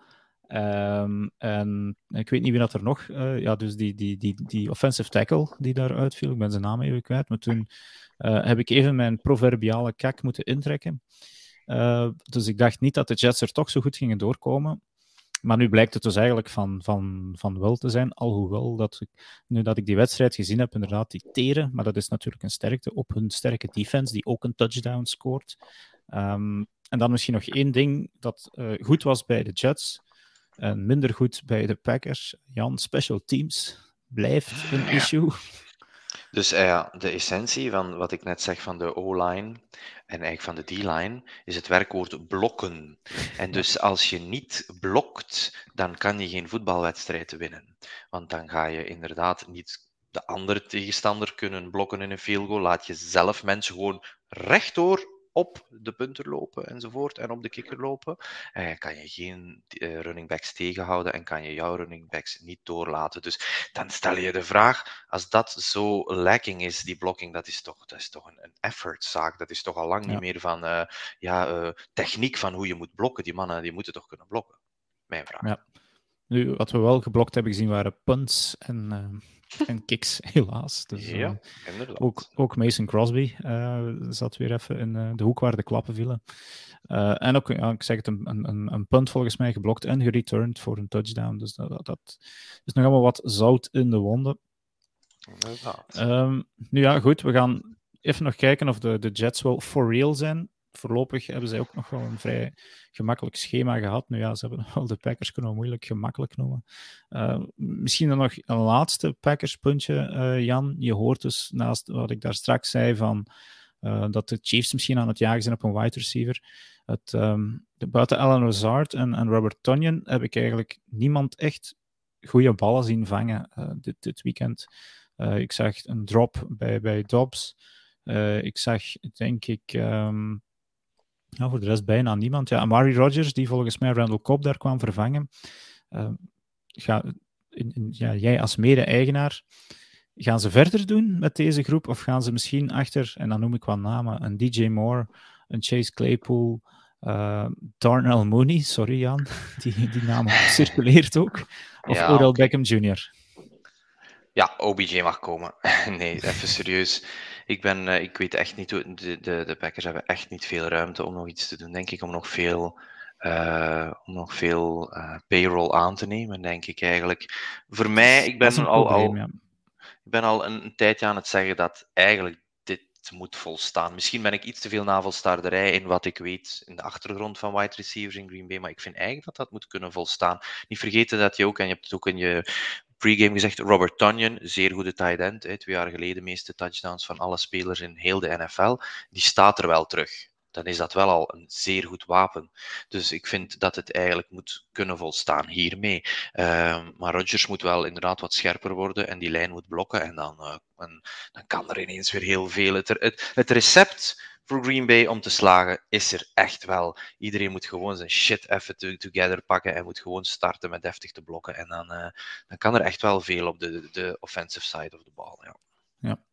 Nu, volgende week spelen zij um, bij de Washington Commanders, dus dat kan wel eens een, een goedmakerswedstrijdje worden. Ik weet niet, dat dacht ik ook van de voorbije speeldagen eigenlijk. Dus uh, we doen geen bouwde uitspraken meer over, uh, over de Packers. We zien wel. Ja. En daarna volgen nog de Bills en de Lions. Dus um, we zullen zien waar dit ons brengt. Um, nu even Gerrit-Jan, ik, ik krijg hier uh, de groetjes van Robbe Boubacar Nerings. Die zegt eindelijk het gezicht achter Gerrit-Jan te zien krijgen. dus ik, ik, weet niet van waar je ja, kent. Is, nee, die uh, zit ook in de uh, Discord. Regelmatig oh, Discord. komt hij okay. voorbij. Ja, kijk vooral. Robbe, dit is dus Gerrit-Jan. Misschien ook nog ergens in de... Of was dat... Nee, dat was een andere voor mij. In de in de redraft van AFCB. Maar ja, nu goed. Uh, dit waren de drie wedstrijden die ons dit weekend uh, een beetje meer in detail uh, wilden besproken zien. Uh, daarnaast, ik vermeldde, we gaan nog wat, wat, wat, puntjes uit andere wedstrijden oppikken. Ik vermeldde al dat het, zo de, de, het weekend leek van, is het de week of het jaar te veel, liever voor sommige spelers. En dan één naam die ik nog even wil vernoemen, dat is Tom Brady die uh, volgens mij een zeer frustrerende namiddag had. Uh, met de Tampa Bay Buccaneers, die zowaar gingen verliezen. Um, nu ben ik even weer kwijt waar. Het was bij de Steelers. Um, 2018, uh, slechts één touchdown voor Brady. Die daarna, ik weet niet dat jullie die beelden gezien hebben, waar hij zijn O-line deftig uitkaffert. Ja, ja inderdaad. Dat was uh, typical. Het was geen tablet die gebroken was, maar nu wel de O-line. Ja, nu ja, een beetje frustrerend. Uh, het lijkt zo wat het thema te zijn voor Tom Brady al, al enkele uh, weken. Nu, wat ik ook bizar vind, en, en moest Frans hier zijn en zou het waarschijnlijk niet kunnen tolereren of verdragen, is dat die vrijdagavond, dus de, wedstrijd is zondag, vrijdagavond gaat hij naar een huwelijk van uh, Robert Kraft, uh, de eigenaar van de New England Patriots. Robert Kraft, 81 jaar, trouwt met zijn 47 jaar oude vriendin. Kudos voor Robert, zou ik zeggen. Aan de bak, man. ja, je, kan, je kan trouwens ook niet echt spreken van een golddigger uh, bij die vrouw. Want nee. is een, een, een, dokter blijkbaar die zelf al. Ik, ik las ergens dat hij een net worth had van 7 of 8 miljoen dollar. Dus ik zou denken, ja, voor She's okay. Hoeft het niet. Um, maar ja, macht erotiseert. We zullen het daarop houden. Um, maar dus vrijdagavond is hij nog op een huwelijk. En ik veronderstel dat dat ergens in, in, New England zelf is. Um, Massachusetts of ergens daar rond. En die heeft zelfs op zaterdag dan de walkthrough van de wedstrijd gemist. Uh, en ja, als je dan nog eens de wedstrijd verliest. Uh, ja, ik weet niet, ik, uh, Gerrit ik weet niet hoe dat bij jou zit, maar ik krijg zo stilaan een, een slecht gevoel bij, bij Tom Brady van, ja, wil die daar nog wel zijn? ja, ja, het is een beetje lastig. Kijk, hij, hij zit in een scheiding. Ja, dan, ook, ja. dan, dan is het wel pijnlijk als je dan naar een huwelijk gaat, maar dat even. Kijk, en ik, ik heb zelf geen ervaring met scheidingen en dat soort dingen, maar ik kan me ook best voorstellen dat dat er ook wel bij inhakt bij, bij hem en dat dat misschien ook zijn, zijn spel niet ten goede komt. Ja. En als je er allemaal dingen naast gaat blijven doen, ja, dat gaat ook niet mee helpen. Dus ik, ja, het is een beetje dubbel. Laat ik het er nog op hopen dat hij alles opspaart voor München, dat ik hem dan aan het werk zie. Oh, ja. Laat ik daar nog op hopen, maar voor de rest, ja.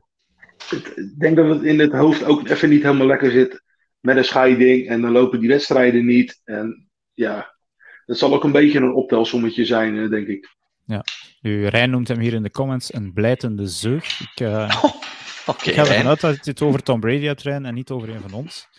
Um... We doen ons best, maar Rijn, sorry. Dat we jou teleurstellen. Ja, hij is er ook eens een weekje niet bij. Um, maar nee, het is, uh, de Buccaneers, uh, oh, zij zitten nu wel in een zogezegd makkelijke divisie.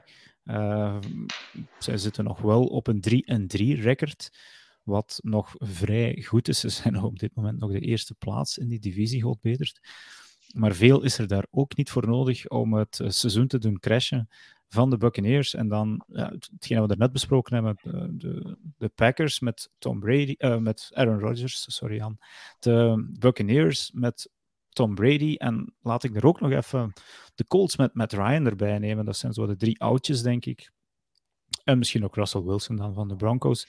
De oudere QB's zijn aan het wankelen. Uh, zitten we zo op een, stilaan op een cesuur van oké, dat het toch...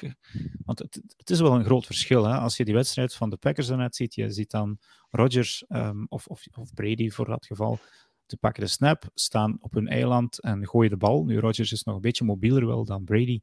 Uh, maar als je dan Zach Wilson bekijkt, je ziet Josh Allen, je ziet Patrick Mahomes, uh, het is een andere league aan het worden. En, en zijn dit nu nog de relieken van de, de, de jaren 10 en 20, ja, de begin jaren 20 nu, die zijn we het laatste daarvan aan het zien.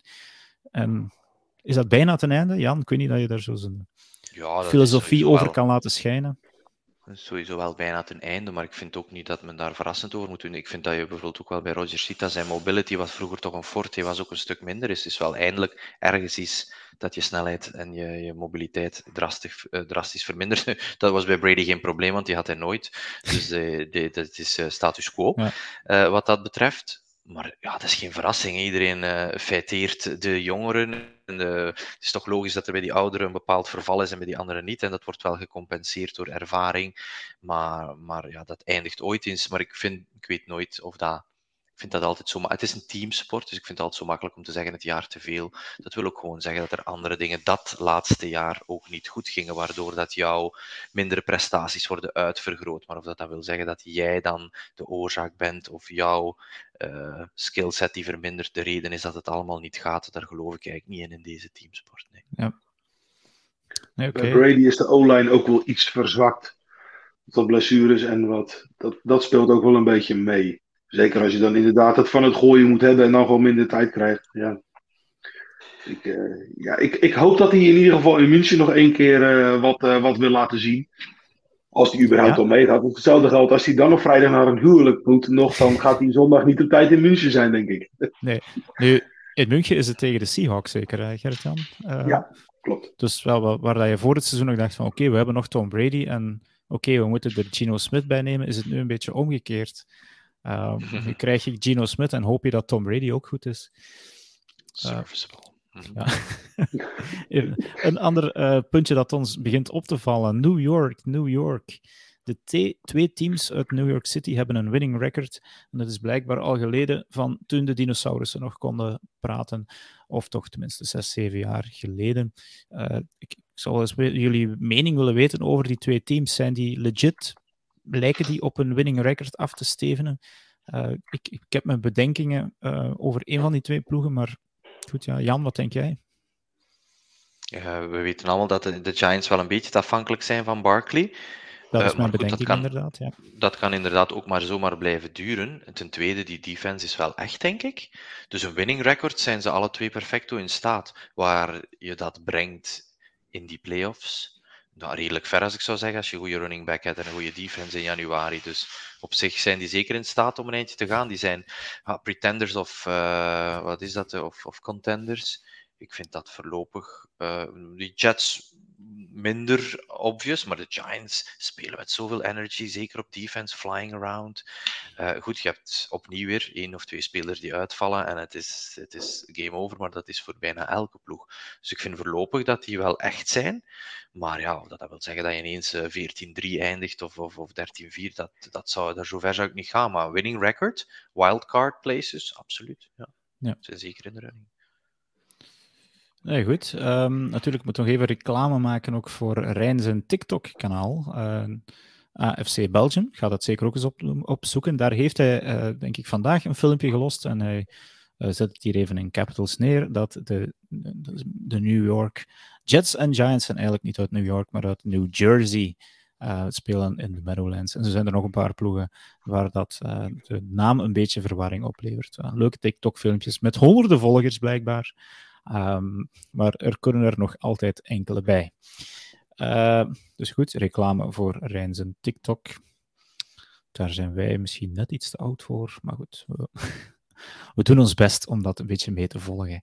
Uh, iets anders wat mij opviel, Bailey Zappi. Uh, de quarterback van de New England Patriots op dit moment wint tweemaal op rij als, als starter. Uh, ik heb in een andere podcast gehoord dat er nog slechts twee um, rookie quarterbacks ooit geweest zijn die hun eerste twee starts als rookie één winnen en twee een QB-rating van meer dan 100 hebben. Dus een klein quizje, wie zijn die twee anderen?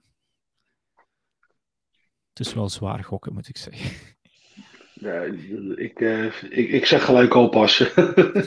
ja, Eent, eentje ervan is uh, Frans enorm fan van.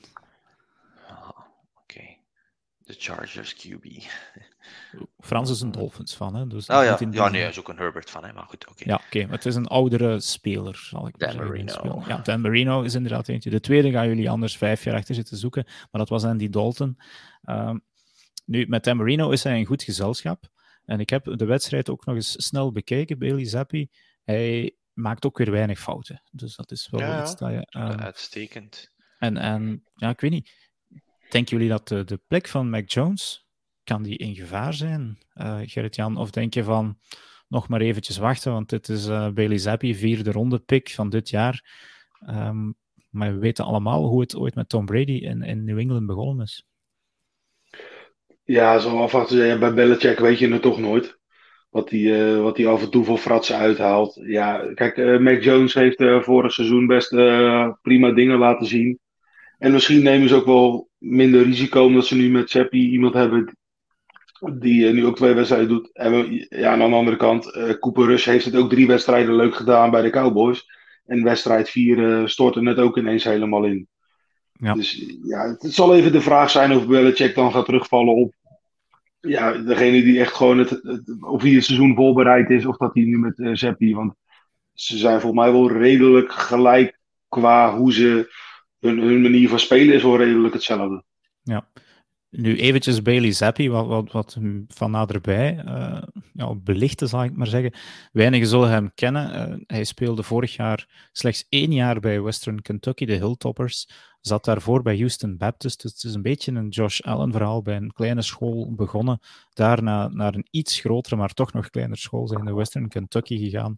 Hij haalde daar vorig jaar hij, eventjes wat ja, echt wel verbazingwekkende cijfers. Op 687 attempts op een heel jaar. En, en een collegejaar is maar 12 wedstrijden. Um, complete hij er 476, had een uh, percentage van 69,3, gooide voor 5967 yards, 62 touchdowns voor 11 interceptions.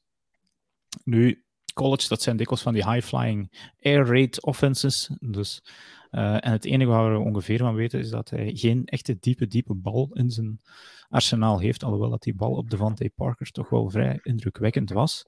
Uh, ik vraag het mij toch af. Uh, Mac Jones was in de laatste tien wedstrijden 2 en 8. Dat is iets wat mensen een beetje vergeten. Dat hij eigenlijk niet zo goed bezig was. De laatste wedstrijden van vorig seizoen en de eerste van dit seizoen. En hij zit nog enkele weken volgens mij op de bank. Dus uh, het, het zou wel eens interessant kunnen worden, denk ik, in, uh, in New England. Ja, ja het ja, verhaal is... Allee, ja, zeg maar, zeg maar, Gerrit, Jan. Ja, Hoyer was op de IR, gezet in ieder geval. Dus die... Uh, de Seppi zal dan verlozen, zolang Mac Jones niet fit is, gaat de Seppi sowieso spelen. Mits die zelf ook fit blijft. Ja, Jan, je had ook nog iets over te zeggen. Ja, het verhaal eh, vind ik toch wel wat overtuigender tegenover Cooper Rush. Doet het zeker niet slecht, maar hij is toch, allee, zijn stats zijn beperkt. Hij maakt ook inderdaad niet te veel fouten, hetgeen dat dan pleit voor hem. Maar ik vind dit toch wel al een beetje meer starter material wordend eigenlijk. Niet dat dat per se wil zeggen dat je Mac Jones uh, gaat, gaat dumpen. Maar dit heeft toch wel potentieel. Die zit zichzelf toch ook wel erg goed in de markt te zetten op dit moment. Die gaat ook heel wat interesse krijgen, want die speelt het niet zo super safe zoals Cooper Rush, maar speelt echt wel uh, ja, met de nodige, nodige vertrouwen. Ja, ook, Cooper uh, Rush had natuurlijk ja, ook al enkele jaren in de league. Um, dus daar wisten we ongeveer wel. Ja, en, en, volgens mij, hetgeen dat we dit weekend ervan gezien hebben, is de echte Cooper Rush. Serviceable backup, maar uh mhm. -huh. ook niet meer dan dat. Bailey Zappi kan nog wel eens ver, uh, verrassen. Ja, uh, die is echt. En, en ja, je moet het ook maar doen hè, op verplaatsing uh, bij de Browns. Toch volgens mij ook geen gemakkelijke uh, omgeving om zomaar even als, als rookie in te starten. Je moet die offense direct aansturen die je eigenlijk nog nooit echt aangestuurd hebt. Buiten ja, in de preseason een paar wedstrijden. Uh, we mogen niet vergeten, die Bailey Zapp heeft moeten vechten voor zijn rosterspot. Dus die heeft hij eigenlijk als QB3 gekregen. Uh, en mhm. dat gebeurt bij niet veel teams, dat die er uh, zomaar eventjes drie bij nemen. Nu, Rijn zegt hier, uh, Bledsoe is Mac Jones. Uh, Drew Bledsoe, die dus ja, als starter bij de New England Patriots zijn plaats kwijtspeelde aan Tom Brady. Ook iemand Profetische die... woorden, Rijn. We zullen ja. zien. Tom Brady in, de, in zijn tijd een zesde ronde pick. Pick 199, zoals iedereen wel weet. Uh, Drew Bledsoe. Um, Bailey Zappi een vierde ronde pick. Ik denk dat ik deze week ook eens het filmpje ga delen dat, hij, dat bij zijn familie gedraaid is toen als hij gedraft is geweest. Dus uh, het, is, het, is, vrij emotioneel om dat allemaal te zien. Het is een, het is een mooi filmpje. En uh, ziet er mij een zeer oké okay kerel uit. Alright. Terwijl dat uh, Jan even zijn hardware aan het updaten Ja, verschrikkelijk, sorry hoor. Technische issues. Gaan wij naar het volgende puntje. En dat zijn uh, de, de interessante standings die ik er eigenlijk eens wilde bijnemen. Um, alles oké, okay, Jan? Ja, sorry mannen, ik, het komt helemaal goed. Uh, maar de, de podcast kan doorgaan. Ik ja, ja. Uh, Voor het geluid, niemand zal het merken. Maar um, voor het seizoen, Gerrit-Jan, misschien ook voor jou een kort quizvraagje. Welke twee divisies waren volgens jou uh, het sterkste? Welke van de EFC en welke van de NFC? Het sterkste, ik denk de, ja, de EFC West uiteraard. Vooraf. Ja. En ik denk dat. Uh, ja, bij de NFC weet ik niet of er echt eentje heel erg voor mij bovenuit stak. Vooraf. Ja. Dat, dat, is toch wel wat zwakker. Er zit er overal wel één of twee uh, waarvan je vooraf had verwacht, maar van de rest kan ook heel hard tegenvallen. Ja, nu, ik, ik, ik, merk wat interessante standings eigenlijk. En Ehm, er zijn twee divisies um, waar dat geen enkele ploeg, um, er zijn er eigenlijk drie, waarvan geen enkele ploeg een winning record heeft. En dat is zeer verrassend het EFC North, Dus met de Ravens, met de Bengals, met de Browns, met de Steelers. De Ravens en de Bengals, beide 3 en 3.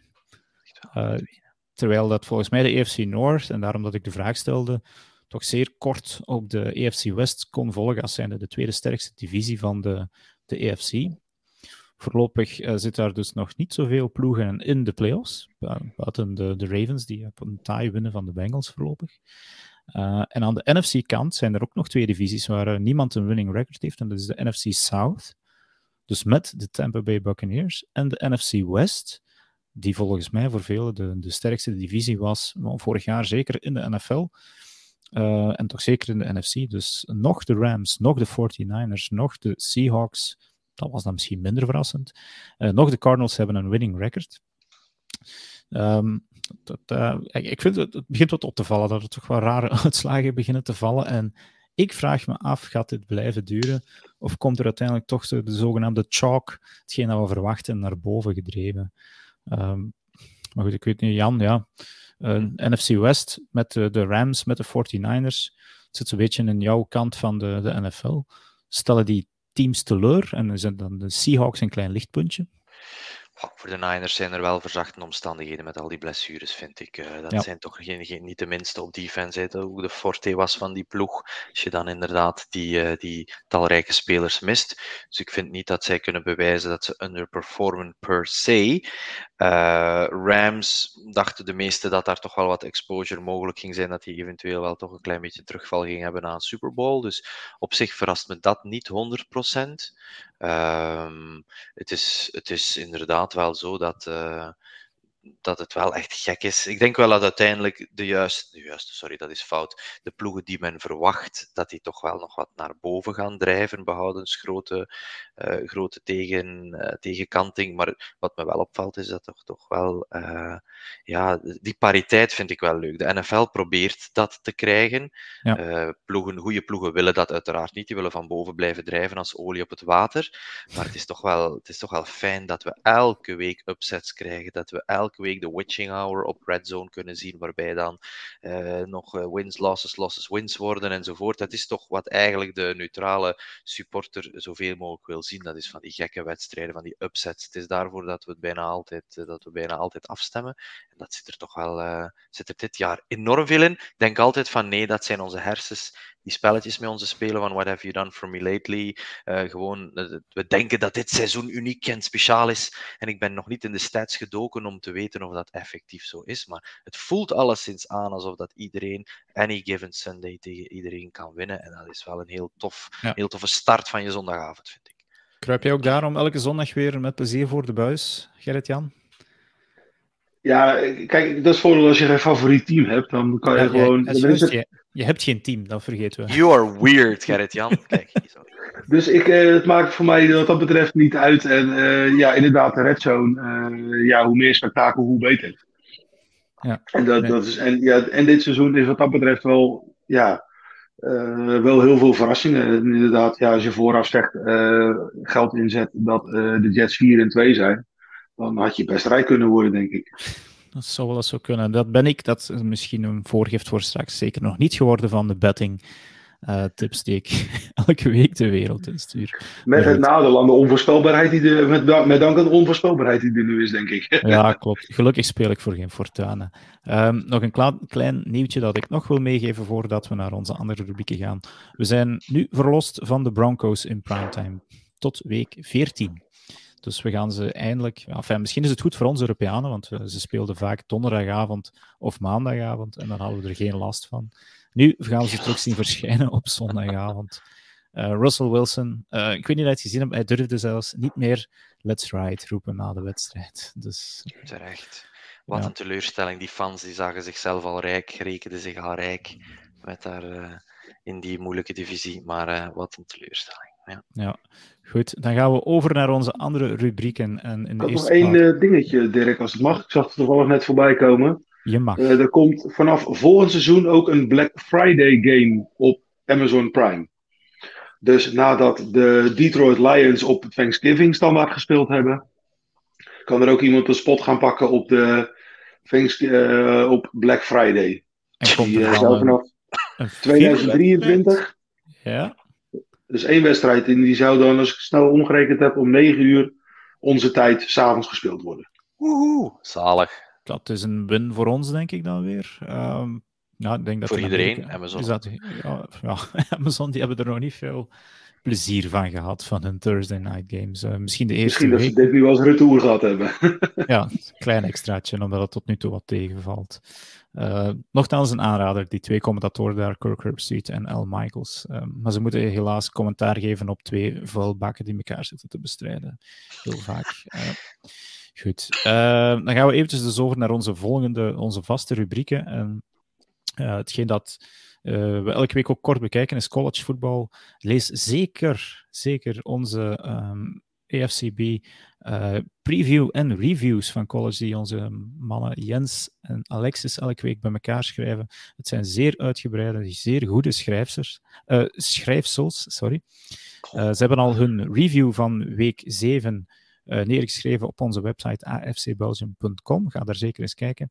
En dat, daaruit pik ik graag even, ja, afgelopen zaterdag, de wedstrijd tussen de, de Alabama Crimson Tide en de Tennessee Volunteers. Uh, Gerrit-Jan, jij volgt college toch ook wel een beetje? Hè? Heb je die wedstrijd, Ja, mee, het einde mee kunnen volgen, nog tenminste?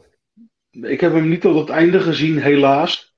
Ik, uh, ja, ik merk door de week, de zaterdagavond is nog wel eens lastig om het lang wakker te houden. maar uh, nou heb ik het voordeel dat er komend weekend is er ook nog weer Formule 1. Dat volg ik dan wel. En die rijden in Amerika, die hebben 1 tot, uh, van 12 tot 1 de kwalificatie. Dus misschien dat het met dit weekend wel lukt om het einde van de half tien wedstrijden mee te pakken. Ja, maar, maar ik, de Tennessee Volunteers en, en de Crimson Tide, um, ja, het, het is een... Um, ja, een traditiewedstrijd die Alabama al een kleine twintig jaar wint, of toch bijna elk jaar. En uh, ja, plots, ze waren de nummer 1 in de rankings, verliezen ze daar op verplaatsing bij de Tennessee Volunteers, die eindelijk ook eens terug een goed team hebben en op nummer 6 stonden. En uh, ja, Jan, heb je die beelden gezien van die wedstrijden achteraf? Ja, ik, eh, ik vind het altijd zo hallucinant dat die tegenstanders en gewoon van die, eh, die, die, die, die, pitch invasions of crowd, ja. dus het publiek dat op het veld komt, denk ik altijd van, oh man, als tegenstander moet je toch wel even rennen voor je leven, toch? Want ik kan er nog wel uh, een stevige kerel zijn, maar er gebeuren toch volgens mij donkere dingen daar. Uh, en je zag inderdaad, het was een shot van achter de goal bij de winning field goal, en zag je toch wel wat stoere kerels uh, een snel spurtje maken van Bijma richting richting uh, de kleedkamers. Maar ik uh, volg college niet, uh, helemaal niet van dichtbij, maar ik ken wel de, de traditionsverein, zoals ze zeggen in het thuis, de, de ploegen met toch een mooie geschiedenis. Ja, in Tennessee met zijn gigantisch stadion en zijn ligging naast de rivier enzovoort. Ik ben uh, wel blij voor die supporters dat er eindelijk nog eens, nog eens mooie tijden sinds de Manning-era zijn aangebroken. Ja. Ik moet nu wel zeggen, ehm, Tennessee is geholpen door die nieuwe regels, waardoor dat college-spelers zich ook kunnen laten sponsoren. Dus het is niet betalen uh, door de ploegen, maar het is uh, nog altijd een ploeg met een grote traditie en een grote achterban. Dat heet dan die zogezegde boosters. Dat zijn heel veel alumni met diepe zakken en, en brede portefeuilles, die dan ja, een speler eigenlijk quasi kunnen kopen of, of sponsoren met, ja, dat mag dan echt uh, de, de, de, kruidenierswinkel op de hoek zijn die een, een speler sponsort voor 2 miljoen. En zich zo eigenlijk dan aan, de, aan die ploeg kunnen binden. En dat is in Tennessee toch wel een beetje aan de gang. Um, goed, ik heb er niks op tegen, want dat, dat zorgt dan toch wel. Ah het zorgt voor verbreding aan de top. Daaronder is het dan wel een grotere kaalslag. Maar maar het werd een... wel eens tijd, eh, Dirk, het werd ja. wel eens tijd dat uh, die spelers ook een graantje gingen meepikken van de miljardenbusiness die die scholen, die eigenlijk niet bezig zijn met wat ze moeten bezig zijn, en dat is academische zaken, maar enkel met die stomme sport. En de ja. grote pet peeve van mij, moet ik zeggen. Uh, dat die spelers ook eens gingen mee profiteren, behalve hier en daar wat gratis schoenen krijgen als basketballer of zoals ze in de college gaan. Dus ik ben op dat gebied ben ik echt wel tevreden dat ook zij een stuk meepikken. Uiteraard zullen wel wat mensen hebben die zweven en inderdaad, je geeft hier nu wel iets aan waar sommige scholen dan het voordeel een stuk gaan binnenhalen, maar het feit dat spelers in college ook al kunnen mee profiteren van de gigantische geldstromen en het zijn hun lijf en leden die op het veld worden achtergelaten, vind ik uh, een goede zaak. Ja. Oké, um, er waren nog wel een aantal andere interessante uitslagen. Het is, het is, vooral goed belangrijk om te onthouden dat dus Georgia momenteel terug op 1 staat, Ohio State op 2, Tennessee op 3, Uh, Michigan op 4, Clemson op 5 en Alabama pas op 6. En als je weet dat de eerste vier in die rankings zich plaatsen voor de playoffs, weet je dat Alabama terug wat werk voor de boeg heeft. Maar het, is nog een, het gaat nog een interessant seizoen worden, dus volg zeker die updates van Alexis en Jens uh, op onze website. Uh, het volgende rubriekje.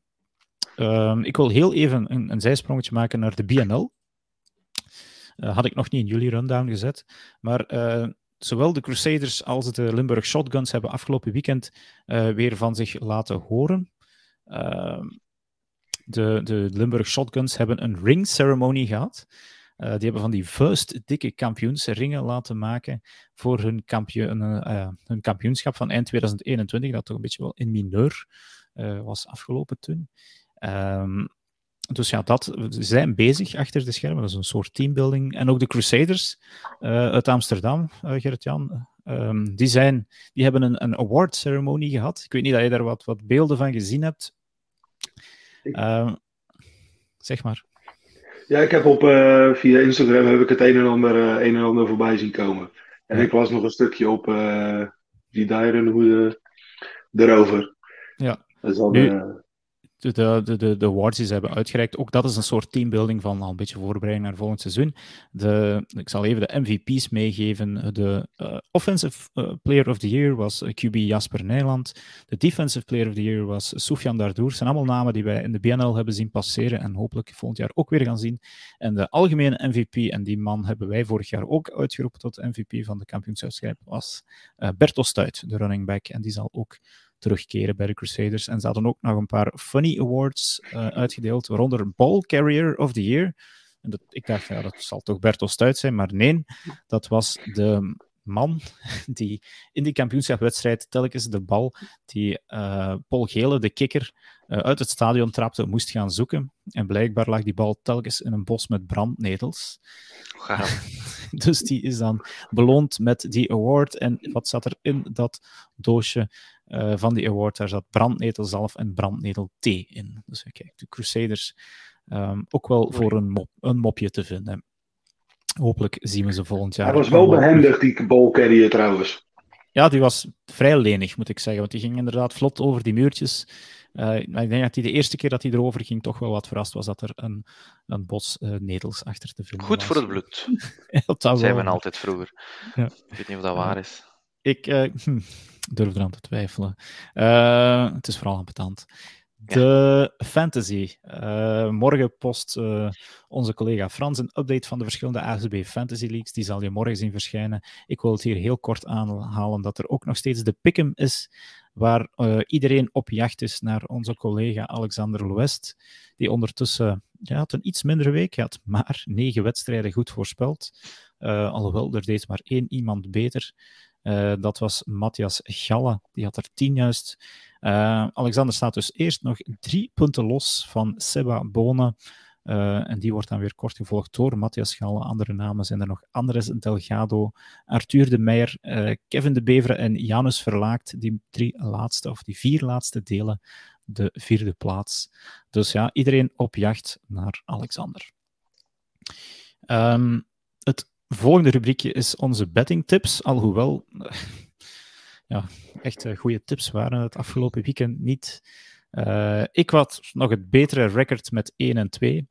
Um, ik had uh, helaas slecht gegokt dat de Cardinals en Seahawks geen, niet meer dan 51 punten gingen scoren. Dat, uh, die overs ga ik nu ook maar laten voor wat het is.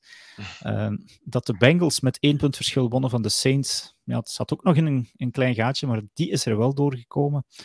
Uh, en dat de Browns gingen winnen van de Patriots, daar zat ik helemaal naast, maar daar zat ik in mijn omschrijving van mijn bed, ging, daar zat ik ook al zelf te twijfelen. Dus ja, oké. Okay. Uh, en Frans was gewoon 0-3 deze week. Die voorspelde een vlotte overwinning van de Ravens. Uh, dacht dat de Cowboys dichter bij de Eagles konden blijven. En uh, wat dacht hij nog? Dat de Chargers met meer dan 5,5 punten gingen, ver, gingen, gingen, winnen van de Broncos. Alle drie de misten. Um, dus ja, onze bettingtips. Het gaat niet vlot, maar ik heb er deze week wel volgens mij drie goede uh, voor jullie. Um, hoop ik toch. Tenminste. Ja. Um, En nu ben ik eigenlijk zelfs, zelfs een beetje kwijt. Ehm, goed, die haal ik er straks nog even bij. Als we de wedstrijden van volgend weekend gaan overlopen. Want dat is het volgende uh, rubriekje. Volgend weekend is het uh, week 7 al. Al van de NFL. Uh, ja, Jan, naar welke wedstrijd kijk jij zo'n beetje vooruit? strak gekeken. Op papier word ik niet warm van veel matchups, moet ik eerlijk zeggen. Dus als je dan eerder kijkt naar ploegen die hè, verrassen en gaan die blijven verrassen, dan is het natuurlijk leuk om te zien uh, wat, wat zowel de Jets als de Giants doen. Die gaan naar, uh, op bezoek bij 2 en 4 Jaguars, op bezoek bij 2 en 4 Broncos, de Jets. Dus kijken of ze daar ook die lijn kunnen verder zetten. Dat lijkt me wel een leuke. Ja, op papier is Chiefs Niners wel hè, een heel mooie affiche s'avonds, uh, om half elf onze tijd op zondagavond. Maar ja, ja, als je dan weet dat de Niners toch wel gewond zijn, zou dat toch wel eventueel uh, een, een sterker verlies kunnen worden dan gedacht. Maar voor de rest zijn er niet zo heel veel wedstrijden. We gaan niet ondankbaar zijn. We zijn blij dat het, dat het eh, herfst is, dat we American football kunnen kijken. Want in februari wenen we allemaal warme tranen als er niks is. Dus dat is zo. Uh, we moeten uh, ons opwarmen aan wat er is, maar weinig. Dus vooral die ploegen die een beetje nu aan het verrassen zijn, kijken of die kunnen bestendigen waar ze mee bezig zijn. Oké. Okay. Gerrit-Jan, uh, volgend weekend, je haalde al Formule 1 aan, maar ga je op zondag toch zitten voor een wedstrijd? Uh, dat ook nog. Ik, ik, heb gewoon twee schermen hoor, dus, dat, uh, dus dan okay. zal de red zone in ieder geval aanstaan, dan zal er geen wedstrijd naast staan. twee wedstrijden waarvan ik dan nog misschien je Browns Ravens zou nog. Er zit een beetje de, de rivalry natuurlijk nog in. En Colts Titans zijn allebei nog een beetje nog allebei niet heel erg iets van gezien. En voor beide wel een belangrijk potje, denk ik, uh, in de slag voor de divisie. Ja. ja. Nu, ik ga er één wedstrijd uit pikken en dat is, ja, ik weet niet, dat wordt kiezen. Ik weet niet dat dat 11 Sports die wedstrijd gaat uitzenden. Zij gaan uh, waarschijnlijk Chiefs Niners uitzenden om 20 na 10, maar het zou zomaar ook eens Seahawks tegen Chargers kunnen zijn. Uh, dan gaan we eens kunnen kijken, is Geno Smith echt for real? Uh, want dan moet hij tegen Justin Herbert en de Chargers. Uh, dus dat is een wedstrijd waar ik naar uitkijk. Een andere, en dan ga ik mijn betting tips er toch even bij halen. Um, de New York Giants spelen bij de, de, Jaguars. Dat is normaal een wedstrijd waar je helemaal niet warm van wordt. Maar de Jaguars zijn daar nog een drie punten favoriet. Dus de betters die zien iets, of Vegas ziet iets wat wij niet zien. Want iedereen denkt ik dat nu ongeveer wel de Giants uh, daar toch licht favoriet zou zien. Mm-hmm. Dus ik uh, heb in mijn betting tips, uh, ja, ga ik, denk ik dat de Giants met minder dan drie punten gaan verliezen of zullen winnen. Chiefs Niners, die wedstrijd, daar denk ik dat de Chiefs met meer dan drie punten gaan winnen. Dat lijkt me, jij noemde daar de Chiefs een gewoon tier met al die blessures. Zou dat inderdaad zo wel eens kunnen zijn? En de Holmes en de Zijnen komen terug van een verlieswedstrijd. Dus die gaan volgens mij iets goed willen maken. En als laatste had ik ook nog, ben ik benieuwd naar de prestatie van Tuatonga Valoa. Als hij terugkomt, uh, die mag het opnemen thuis, gelukkig, uh, tegen de Steelers, tegen Kenny Pickett. Ook toch wel een ja, niet al te sterk team. Dus uh, daar denk ik trouwens dat de Dolphins met meer dan 6,5 punt verschil gaan winnen. Dat zijn mijn drie betting tips waarin ik hopelijk mijn kleine achterstand eens kan gaan goedmaken. Dank u, Dirk. Kenny, als Kenny Pickett de zonnebrand maar meeneemt, want... Ja, ja. Ja, de, ik heb het al eens aangehaald. Hè. De, het stadion in Miami, afgelopen weekend was het weer zover, als de zon erop zit. Het was 30 graden verschil tussen de ene zijlijn en de andere. Prachtig uh, stadion. Ja, dat wel, maar dus als je aan de bezoekerskant staat en de zon schijnt, dan, uh, dan, dan ben je snel goudbruin gebrand. Uh, en 40 geval... dollar hè, voor een parkeerplaats met de auto. Ik zal nooit meer tegen mijn vrouw zeggen dat ik op voorhand weet wat ik doe. Want zij zei van koop op voorhand een of ander pasje voor de we gingen naar de Orange Bowl uh, rond nieuwjaar. Ja, ja. Uh, een paar jaar geleden. Ik zeg, ah nee jongen, toe, we doen dat er plaatsen. 40 freaking dollars voor op een gras, stukje gras te mogen staan. Op nog steeds kwartier wandelen van het stadion. Dat is echt ja. de rip-off. Maar goed, we weten dat Amerikanen veel geld aan sport geven. Dus die 40, die legden ze makkelijk. Maar dat vond ik toch wel uh, duur. Orange Bowl, altijd een leuke collegewedstrijd. Fantastisch. Het was dan ook uh, de Hurricanes thuismatch okay, tegen, ja. uh, tegen Wisconsin, die me dan wel na aan het hart ligt. Fantastisch. Ja, mooi stadion, tof wedstrijd. Ja. Ik, ik vermeldde daar 30 graden verschil. Rijn heeft het hier correct. Het ging over Fahrenheit. Maar Uh, dan nog, het was het verschil tussen, denk ik, 90 graden Fahrenheit, wat volgens mij al warm is, en 120 graden Fahrenheit, wat gewoon bakken en braden is. Dus mm -hmm. Als de Steelers, en die komen toch uit een iets koudere stukje van Amerika, dat kan wel eens ferm gaan tegenvallen. Uh, dus ja, goed. Ehm, we naderen stil aan het einde van de podcast, heren. En wat we altijd ook nog eens doen, is zijn er winners en losers van de voorbije week die we uh, bloemetjes willen toegooien, al dan niet met de vaas er nog aan. Dus ja, ik weet niet. Um, Gerrit-Jan, ik zal eerst voor jou een. Uh, heb jij een winnaar? Ja, dan ga ik denk toch naar, uh, naar college, dan ga ik naar Tennessee. Oké, okay.